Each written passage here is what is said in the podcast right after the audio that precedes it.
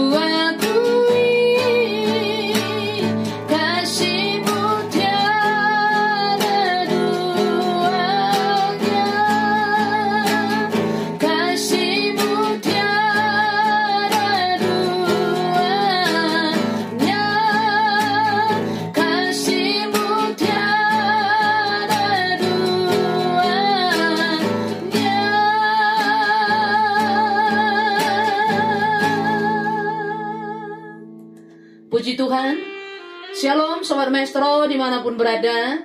Senang berjumpa kembali saudaraku semuanya Dan saya akan membagikan kebenaran firman Tuhan bagi saudaraku semuanya.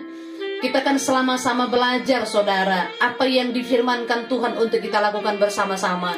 Yang setuju katakan amin saudaraku semuanya. Baik Bapak Ibu Saudaraku semua, saya akan membagikan kebenaran firman Tuhan yang diambil dari Lukas 10 ayat 38 dan sampai 42. Sekali lagi Lukas 10 ayat 38 sampai 42. Temanya adalah keintiman. Kembali saya angkat tema keintiman di bagian yang ketiga di bulan November ini Saudara. Bapak Ibu Saudaraku, sebelum saya baca ayat 38 sampai 42 Saudara, saya akan kembali mengingatkan atau kembali eh, merimain Saudaraku semuanya bahwa arti daripada keintiman adalah keakraban, persahabatan dan kemesraan. Nah, jadi saudaraku semuanya ketika kita memiliki keakraban, ketika kita memiliki persahabatan, itu artinya kita memiliki keintiman satu dengan yang lain. Jadi saudaraku semuanya, kemesraan atau keintiman maksud saya saudaraku semuanya ini tidak tidak dapat hanya dihubungkan antara hubungan suami istri. Sebab ke- keintiman yang paling tinggi adalah keakraban persahabatan terlebih lagi kepada Kristus Yesus Tuhan. Kita akrab dengan Yesus, kita memiliki persahabatan yang begitu kuat bersama dengan Yesus saudara, dengan Yesus saudara semuanya. Saudara, tetapi kalau kita lihat saudara semuanya, hari-hari ini kesibukan membuat umat percaya sulit untuk mengatur waktu untuk baca Alkitab, untuk mendengarkan khotbah, apakah itu melalui YouTube saudara, apakah itu melalui live streaming ketika hari Minggu saudaraku semuanya. Berdoa, memuji dan menyembah Tuhan, menaikkan lagu-lagu rohani, saudara mendengarkan lagu-lagu rohani. Hari-hari ini mungkin sulit saudara. Kenapa? Karena kesibukan begitu super banget yang terjadi. Nah, ketika hal ini terjadi, saudaraku, maka terjadilah yang namanya degradasi rohani kita. Bahkan mungkin begini, ketika kita tidak memberi makan rohani kita dengan baca firman, mendengarkan kebenaran firman Tuhan, merenungkan firman Tuhan, berdoa, memuji dan menyembah Tuhan, menaikkan lagu-lagu rohani, saudara. Lambat laun, saudara, rohani kita bisa menjadi kerdil. Bahkan bisa lama-lama menjadi mati, saudara menjadi mati bapak saudara semuanya. Kesibukan membuat kita gampang marah, membuat kita gampang iri hati, i- apa egois. Istilahnya saudaraku memuaskan daging.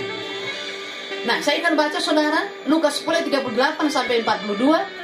Ketika Yesus dan murid-muridnya dalam perjalanan, tibalah ia di sebuah kampung.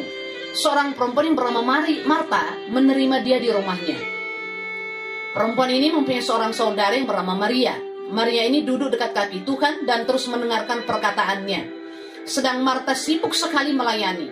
Ia mendekati Yesus dan berkata, Tuhan, Tidakkah engkau peduli bahwa saudaraku membiarkan aku melayani seorang diri? Suruhlah dia membantu aku. Tetapi Tuhan menjawabnya, Marta, Marta, engkau khawatir dan menyusahkan diri dengan banyak perkara. Tetapi hanya satu saja yang perlu. Maria telah memilih bagian yang terbaik. Yang tidak akan diambil daripadanya. Demikian firman Tuhan saudara. Berbahagia setiap kita mendengarkan firman Tuhan dan melakukan firman Tuhan. Bapak saudaraku semuanya, di tafsiran yang lain berkata bahwa Marta ini mengundang Yesus supaya mampir di rumahnya. Marta mengundang Yesus supaya dia mampir ke rumahnya. Tetapi ia meminta supaya Yesus menyuruh Maria untuk membantu dia menyiapkan hidangan. Ketika ada tamu datang saudara, kita wajar memberikan hidangan, wajar menjamu tamu kita dengan makanan atau dengan minuman, ya. Tetapi jangan itu menjadi sebuah yang, hal yang utama, saudara. Hal yang utama adalah kita harus bicara, kita harus ngobrol dengan tamu kita kan, mendengarkan apa yang tamu kita ceritakan. Tetapi kalau kita lihat saudara, Marta ini mengundang, mengundang Yesus datang ke rumahnya, tetapi dia tidak duduk. Dia sibuk dengan hidupnya sendiri. Bukan berarti salah. Kita perlu juga ada Marta hari, hari ini. Perlu. Jangan juga kita hanya seperti Maria, duduk di kaki Tuhan terus, tapi kita tidak melakukan apa-apa juga. Nah, saudaraku semuanya, tetapi ingat saudara, hal itu yang membuat Marta sulit untuk membagi waktu duduk di hadapan Tuhan.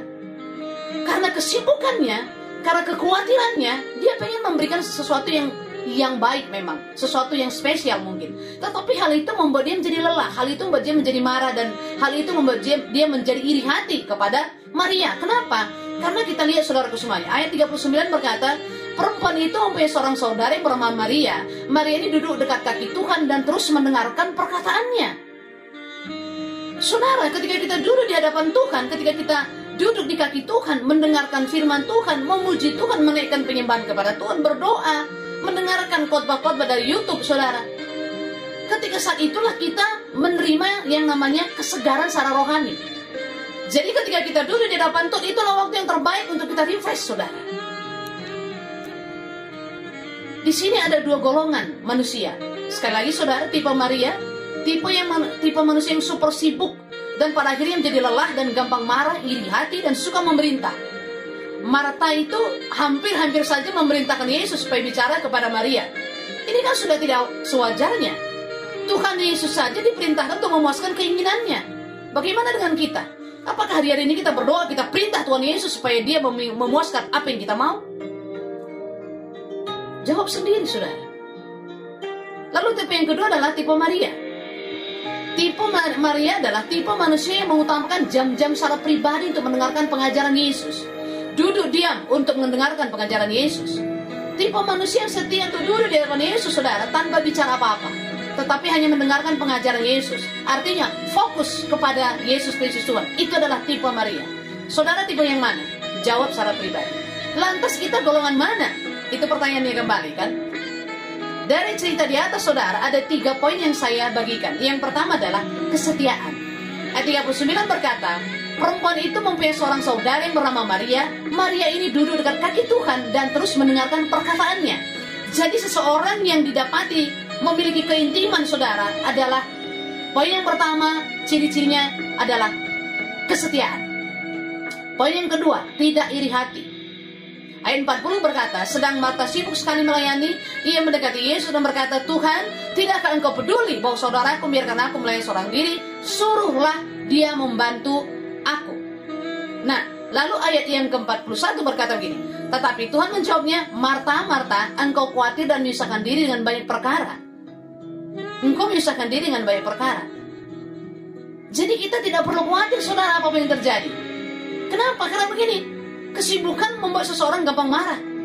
Karena merasa kelelahan untuk memikirkan hal-hal yang belum tentu terjadi. Makanya ciri-ciri keintiman di dalam pasal di dalam Lukas 10 ayat 38 sampai dengan 30 42 maksud saya saudara yang kedua adalah tidak iri hati. Yang ketiga saudara dapat mengatasi kekhawatiran. Ayat yang 42 berkata begini. Tetapi hanya satu saja yang perlu Maria telah memilih bagian yang terbaik yang tidak akan diambil daripadanya. Artinya saudara, Maria itu adalah seorang pribadi yang fokus kepada Tuhan Yesus. Kesimpulannya Bapak Saudara semuanya, Kesetiaan untuk mendengarkan perkataan Yesus Kristus adalah kunci untuk tidak iri akan orang lain sehingga kekhawatiran dapat teratasi. Yang setuju katakan, amin. Mari kita berdoa.